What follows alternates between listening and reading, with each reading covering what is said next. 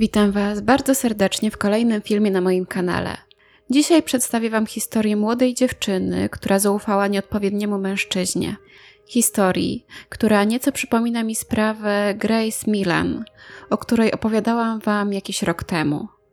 Zapraszam do wysłuchania historii Kelly Dwyer.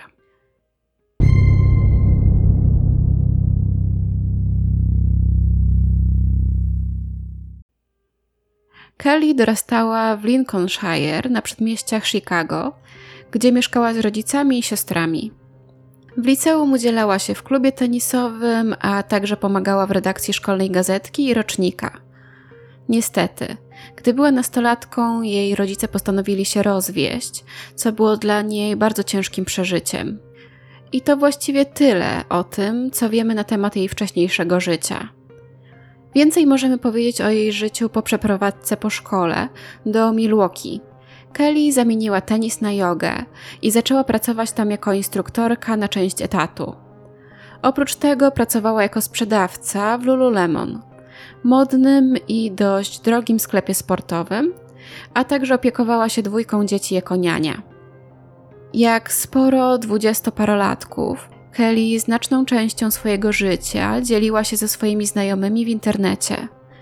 Była bardzo aktywna w mediach społecznościowych. Prezentowała się tam jako młoda i pełna życia kobieta, która świetnie się bawiła, chodząc po modnych miejscach ze swoimi współpracownikami, klientami Lululemon i mężczyznami, z którymi randkowała. Wiadomo, jak to w internecie. Można wykreować życie, jakieś tylko pragnie, ale jaka jest prawda, to już inna sprawa.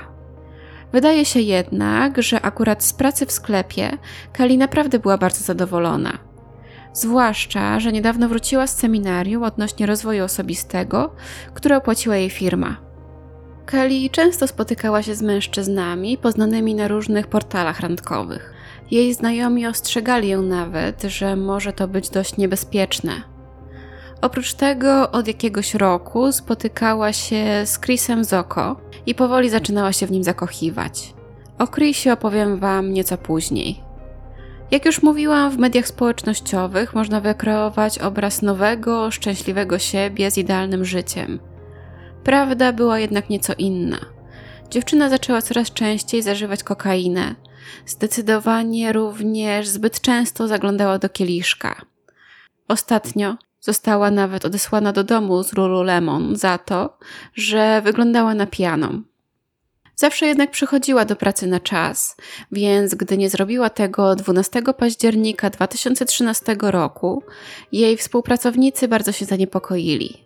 Próbowali się z nią skontaktować telefonicznie czy za pomocą mediów społecznościowych, ale komórkę miała wyłączoną, a w internecie nie publikowała nic od dwóch dni, co było do niej raczej niepodobne.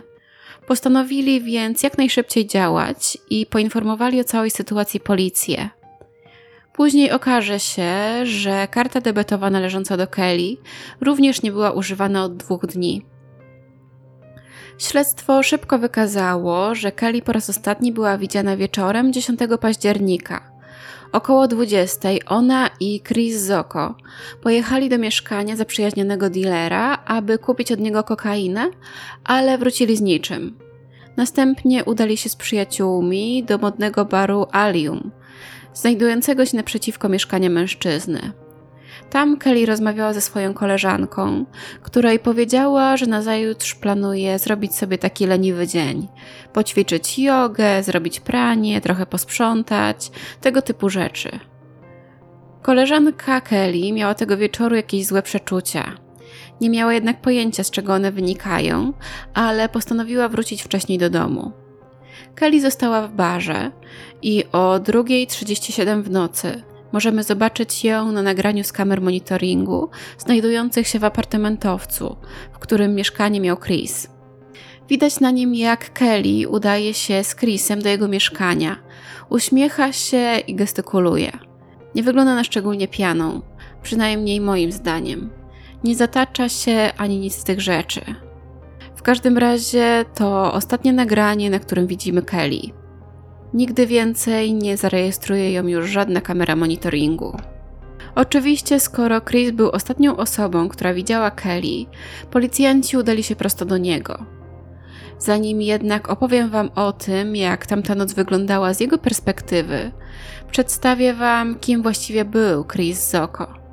Rodzina od zawsze postrzegała go jako kogoś bardzo wyjątkowego i utalentowanego. Interesował się sportem i po studiach znalazł nawet pracę w dziale IT drużyny Yankes w Nowym Jorku. Jego biuro mieściło się nawet na stadionie. W pewnym momencie uznał jednak, że potrzebuje nowych wyzwań i możliwości, więc przeprowadził się do Milwaukee w 2009 roku. Kelly również przeprowadziła się do tego miasta mniej więcej w tym samym czasie, ale poznają się dopiero kilka lat później za sprawą ich wspólnego znajomego. Niemniej w tym czasie Chris rozpoczął pracę jako szef działu IT w TRC Global, gdzie jego matka była dyrektorką generalną. Jeśli chodzi o jego życie prywatne, to podkreśla się, że jego rodzice byli rozwiedzeni, tak samo zresztą jak rodzice Kelly, ale jego rodzina była dość religijna i właśnie w takim duchu został wychowany.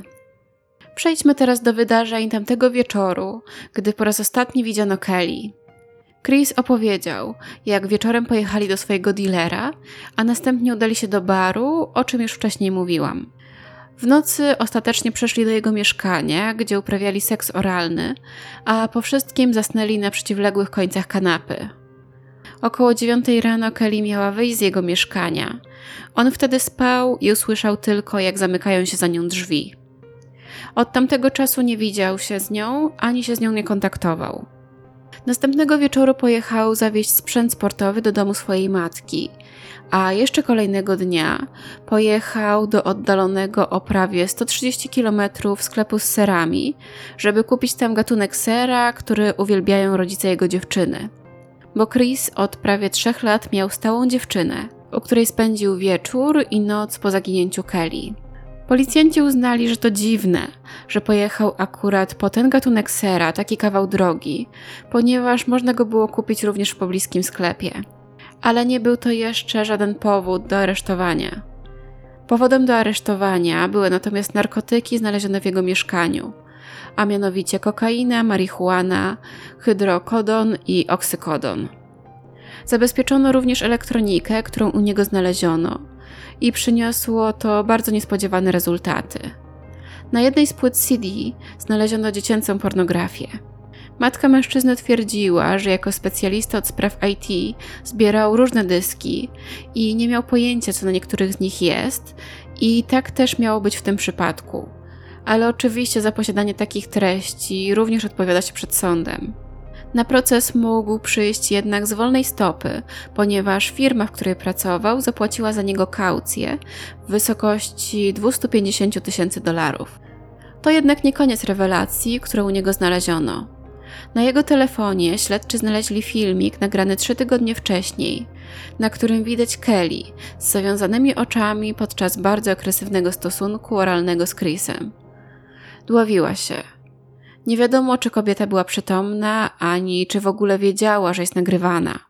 Widać natomiast, że ma problemy z oddychaniem.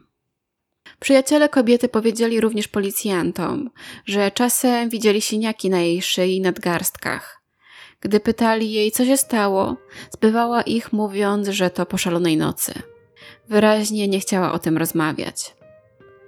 Ostatecznie Chris został skazany na 19 lat pozbawienia wolności za posiadanie narkotyków i pornografii dziecięcej. Był również podejrzany o zamordowanie Kelly, ale nie przyznawał się, a dowody przeciwko niemu były niewystarczające, aby postawić go przed sądem. Brakowało też najważniejszego ciała Kelly. Bez niego wciąż można było twierdzić, że kobieta żyje, ale postanowiła wyjechać i zacząć gdzieś wszystko od nowa, nie informując o tym nikogo. Zmieniło się to jednak półtora roku po zaginięciu Kelly, 1 maja 2015 roku. Pewien mężczyzna poruszający się ślepą uliczką w hrabstwie Jefferson zauważył w zaroślach coś białego. Pomyślał, że może to poroże jelenia, które mógłby zabrać ze sobą do domu, więc zainteresował się tym. Gdy jednak podszedł bliżej, zauważył ludzką czaszkę. Natychmiast poinformował miejscowego szeryfa o tym, co znalazł. Ten przyjechał na miejsce i wykopał również pozostałe szczątki szkieletu. Osoba, do której należał szkielet, została tam pozostawiona twarzą ku ziemi, z jedną ręką pod tułowiem i z jedną z nóg zgiętą w bardzo niekomfortowej pozycji. Niestety rozkład był już tak daleko posunięty, że nie można było ustalić przyczyny śmierci. Z pewnością natomiast można było stwierdzić, że nigdzie wokół nie było żadnych ubrań, kocy czy tego typu rzeczy. Ciało musiało więc zostać tu porzucone całkiem nagie, nieokryte niczym. Policjanci potrzebowali pięciu dni, aby zidentyfikować szkielet jako szczątki Kelly Dwyer. Zrobiono to na podstawie dokumentacji dentystycznej kobiety, z czym też był mały problem. Jej rodzice nie byli pewni z usług, jakiego dentysty w Milwaukee korzystała. Ostatecznie jednak udało się to ustalić i potwierdzono, że znalezione szczątki należą do Kelly. Udało się również ustalić, że leżały w tamtym miejscu od około półtora roku, więc od czasu jej zaginięcia. Teraz śledczy mogli ponownie przysiąść do tej sprawy, na nowo przesłuchać świadków, zbadać dowody i przeanalizować tropy. Podczas pierwszego przeszukania mieszkania Chrisa, policjanci zwrócili uwagę, że w łazience dla gości brakuje zasłony prysznicowej. Jej rozerwane fragmenty były jednak wciąż przyczepione do nieco wykrzywionych haczyków przy prysznicu. Tak, jakby ktoś ją bardzo gwałtownie zerwał. Przypadek chciał, że w telewizji pokazywano Chrisa podczas jednej z rozpraw i zobaczył to brat jego dziewczyny. Kobieta zgłosiła się na policję i poproszono ją o obejrzenie zdjęć z jego mieszkania. I rzeczywiście, powiedziała, że w łazience dla gości brakuje nie tylko zasłony prysznicowej, ale również małego dywaniku i pasujących do niego ozdobnych ręczników. Tych wszystkich rzeczy nie było nigdzie w mieszkaniu. Wnioski nasuwają się więc same. Dodatkowo w mieszkaniu brakowało również dużej, szaro-srebrnej torby na kije do golfa. Torba leżała od miesięcy w przejściu do łazienki, a teraz również nie było jej nigdzie w mieszkaniu. Była tak duża, że mogło zmieścić się w niej ciało. Do mieszkania Chrisa po zaginięciu Kelly przyprowadzono również psa, wyszkolonego w tropieniu zwłok. Zwierzę zaznaczyło korytarz, sypialnię i łazienkę gościnną, łóżko w głównej sypialni oraz drzwiczki do sypu na śmieci. Nie zostało to jednak w żaden sposób nagrane, co później pozwoliło obronie mężczyzny twierdzić, że nie ma dowodów na to, że coś takiego kiedykolwiek się wydarzyło. Wszystko wyglądało tak, jakby Chris zabił Kelly, najprawdopodobniej przypadkowo, a następnie owinął jej ciało w zasłonę prysznicową i ręczniki, włożył je do torby na kije golfowe, a następnie porzucił w zaroślach przy ślepej uliczce. Nie ma jednak żadnego nagrania z monitoringu, na którym widać Chrisa wychodzącego z tą torbą. Z drugiej jednak strony nie ma też żadnego nagrania z Kelly opuszczającą budynek, a wiadomo, że w jakiś sposób musiała z niego wyjść lub zostać wyniesiona. Zabezpieczono natomiast nagrania, na których widać jak Chris 11 października, czyli dzień po tym, jak spędzili wieczór w barze, schodzi na parking do swojego samochodu. Na jednym z nagrań bagażnik jest otwarty i niektórzy twierdzą, że widać w nim coś dużego i szarego. Coś jak torba na kije golfowe. Nagranie jednak nie jest tak wyraźne, żeby jednoznacznie to stwierdzić. A w jaki sposób Chris miałby wynieść zwłoki z mieszkania, aby nie nagrała tego żadna z kamer monitoringu?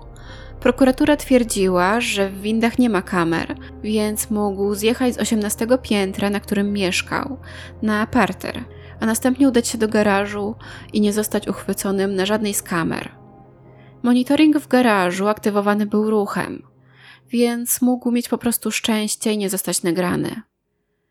Warto też dodać, że pies szukający ludzkich zwłok zaznaczył również bagażnik, klamkę od drzwi i wnętrze samochodu Chrisa. Niemniej kamery zarejestrowały, jak tego dnia, w ciągu 8 godzin, jeszcze kilkukrotnie przychodził do samochodu i załadował do niego różne rzeczy. Ostatecznie wyjechał z parkingu o 18.16 i pojechał zawieźć swój letni sprzęt sportowy do domu swojej matki. Policjantom wydało się to oczywiście bardzo podejrzane, że mężczyzna pojechał zawieźć ten sprzęt akurat w piątek wieczorem. Sądząc po jego stylu życia, piątkowe wieczory zazwyczaj spędzał raczej w inny sposób. Tego wieczoru miał zjeść kolację ze swoją dziewczyną o 19.30. Pojawił się u niej jednak dopiero o 20.45, więc spóźniony o ponad godzinę. Zdaniem śledczych, spędził ten czas na szukaniu miejsca, gdzie będzie mógł porzucić ciało. Niestety nie byli w stanie wyśledzić tego, co robił przez ten czas za pomocą logowań do wież, ponieważ miał wyłączony telefon. Jego dziewczyna również twierdziła później, że tamtego wieczoru zachowywał się dość dziwnie i zupełnie do siebie niepodobnie. Nie dość, że spóźnił się, to jeszcze wyglądał na trochę wzburzonego i zdenerwowanego. Cały wieczór bawił się swoją komórką, twierdząc, że nie działa. Wspominał także o przeprowadzce do Denver. Gdy w końcu położyli się spać, również było dziwnie. Chris pocił się tak bardzo, że kobieta zmuszona była nawet zmienić prześcieradło. Do tego wstał skoro świt i wyruszył w drogę. Zdaniem policjantów zachowywał się tak dziwnie, ponieważ w tamtym czasie ciało Kelly wciąż było w bagażniku jego auta. Nie mógł oczywiście zostawić go w swoim mieszkaniu, ponieważ było to pierwsze miejsce, do którego przyjdą policjanci. Jak już mówiłam, kolejnego ranka Chris wstał skoro świt i udał się do oddalonego o 130 km sklepów z serami, aby kupić konkretny rodzaj sera, który uwielbiali rodzice jego dziewczyny. Po drodze do domu wstąpił jeszcze do centrum handlowego i kupił sobie nowe tenisówki. Być może potrzebował nowych butów, ponieważ martwił się, że na jego tenisówkach znajdują się jakieś dowody. Niemniej dzięki temu zakupowi wiemy, że kupił ser o 9.55, a następnie buty o 12.11. Odległość pomiędzy tymi sklepami wynosi 87 km, więc powinien dojechać tam w jakieś 47 minut, a tymczasem zajęło mu to o wiele dłużej. Nasuwa się więc wniosek, że dodatkowy czas wykorzystał na porzucenie ciała Kelly. Powstała więc teoria, że Chris przypadkowo zabił Kelly podczas stosunku seksualnego. Dzięki nagraniu z jego telefonu wiemy, jakie miał upodobania i co już wcześniej robili. Policjantom udało się dotrzeć do pięciu innych kobiet, które potwierdziły, że mężczyzna bardzo lubił agresywne zachowania w sypialni. Miał je lubić już jako nastolatek. Jedna z kobiet zdobyła nawet nakaz zbliżania się po tym, jak zerwała z nim w 2005 roku. Inna powiedziała, że została przez niego wykorzystana po tym, jak początkowo wyraziła zgodę na zbliżenie. Jeszcze inna wspominała, że poznała go w internecie i ich znajomość opierała się i od początku miała się opierać tylko na seksie. Kobieta zaakceptowała odgrywanie roli uległej, podczas gdy on był tym dominującym. Akceptowała nawet nagrywanie tego telefonem. Mieli jednak znak bezpieczeństwa, po którym Chris miał przestać robić to, co akurat robił, bo było to dla niej już niekomfortowe. I początkowo mężczyzna stosował się do tego systemu. Z czasem jednak zaczął go ignorować, a raz nawet zgwałcił ją, gdy jej dzieci były w sypialni obok.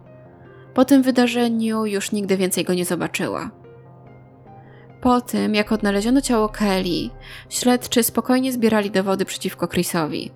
Mężczyzna siedział już w więzieniu, więc nie spieszyło im się. Mogli poświęcić tej sprawie dużo czasu. W końcu jednak skończyli.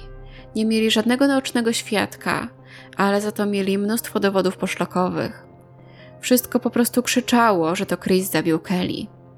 Ostatecznie, 8 maja 2017 roku, mężczyzna został oskarżony o trzy zarzuty w związku z tą sprawą: o lekkomyślne zabójstwo pierwszego stopnia, ukrycie zwłok oraz uduszenie.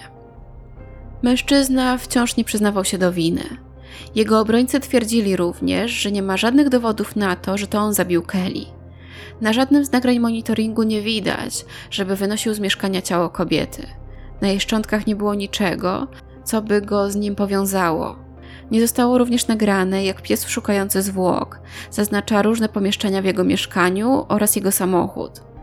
Był wolnym człowiekiem i mógł pozbyć się z domu zasłony prysznicowej, ręczników, dywanika oraz torby na kije golfowe. Mógł kupować ser skąd tylko chciał, i odwozić swój sprzęt sportowy do domu swojej matki w jakim tylko terminie chce. Mógł mieć też swoje upodobania seksualne i o ile obie strony się na nie zgadzają, to nie ma w tym nic złego.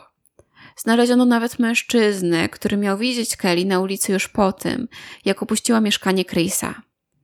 To wszystko zdecydowanie nie wyglądało dla niego dobrze, ponieważ łączyło się w pewną logiczną całość, ale nie było tak naprawdę żadnego bardzo mocnego dowodu przeciwko niemu, takiej kropki nad i. Prokuratura opisała go jednak jako mężczyznę, który miał wręcz obsesję na punkcie duszenia podczas seksu. W jego celi znaleziono nawet przemyconą pornografię tego rodzaju.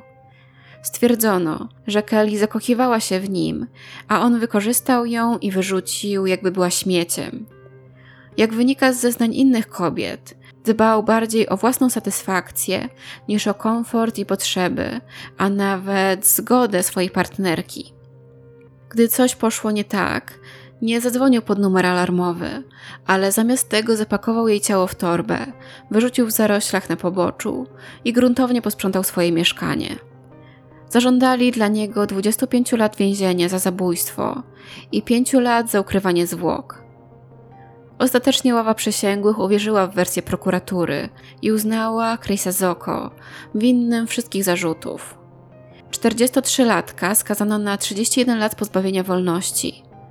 Będzie mógł wyjść z więzienia w 2065 roku w wieku 90 lat. Czyli ten wyrok tak naprawdę oznacza dla niego dożywocie. I to już wszystko, co dla Was przygotowałam. Ciekawie było zapoznać się ze sprawą, w której nie ma takich stuprocentowych dowodów, ale wszystko po prostu składa się w jedną całość i tak naprawdę ciężko znaleźć nawet inną wersję wydarzeń. Wszystko po prostu do siebie pasuje. Napiszcie koniecznie w komentarzach, co myślicie o tej sprawie. A tymczasem trzymajcie się bezpiecznie i do usłyszenia już niedługo.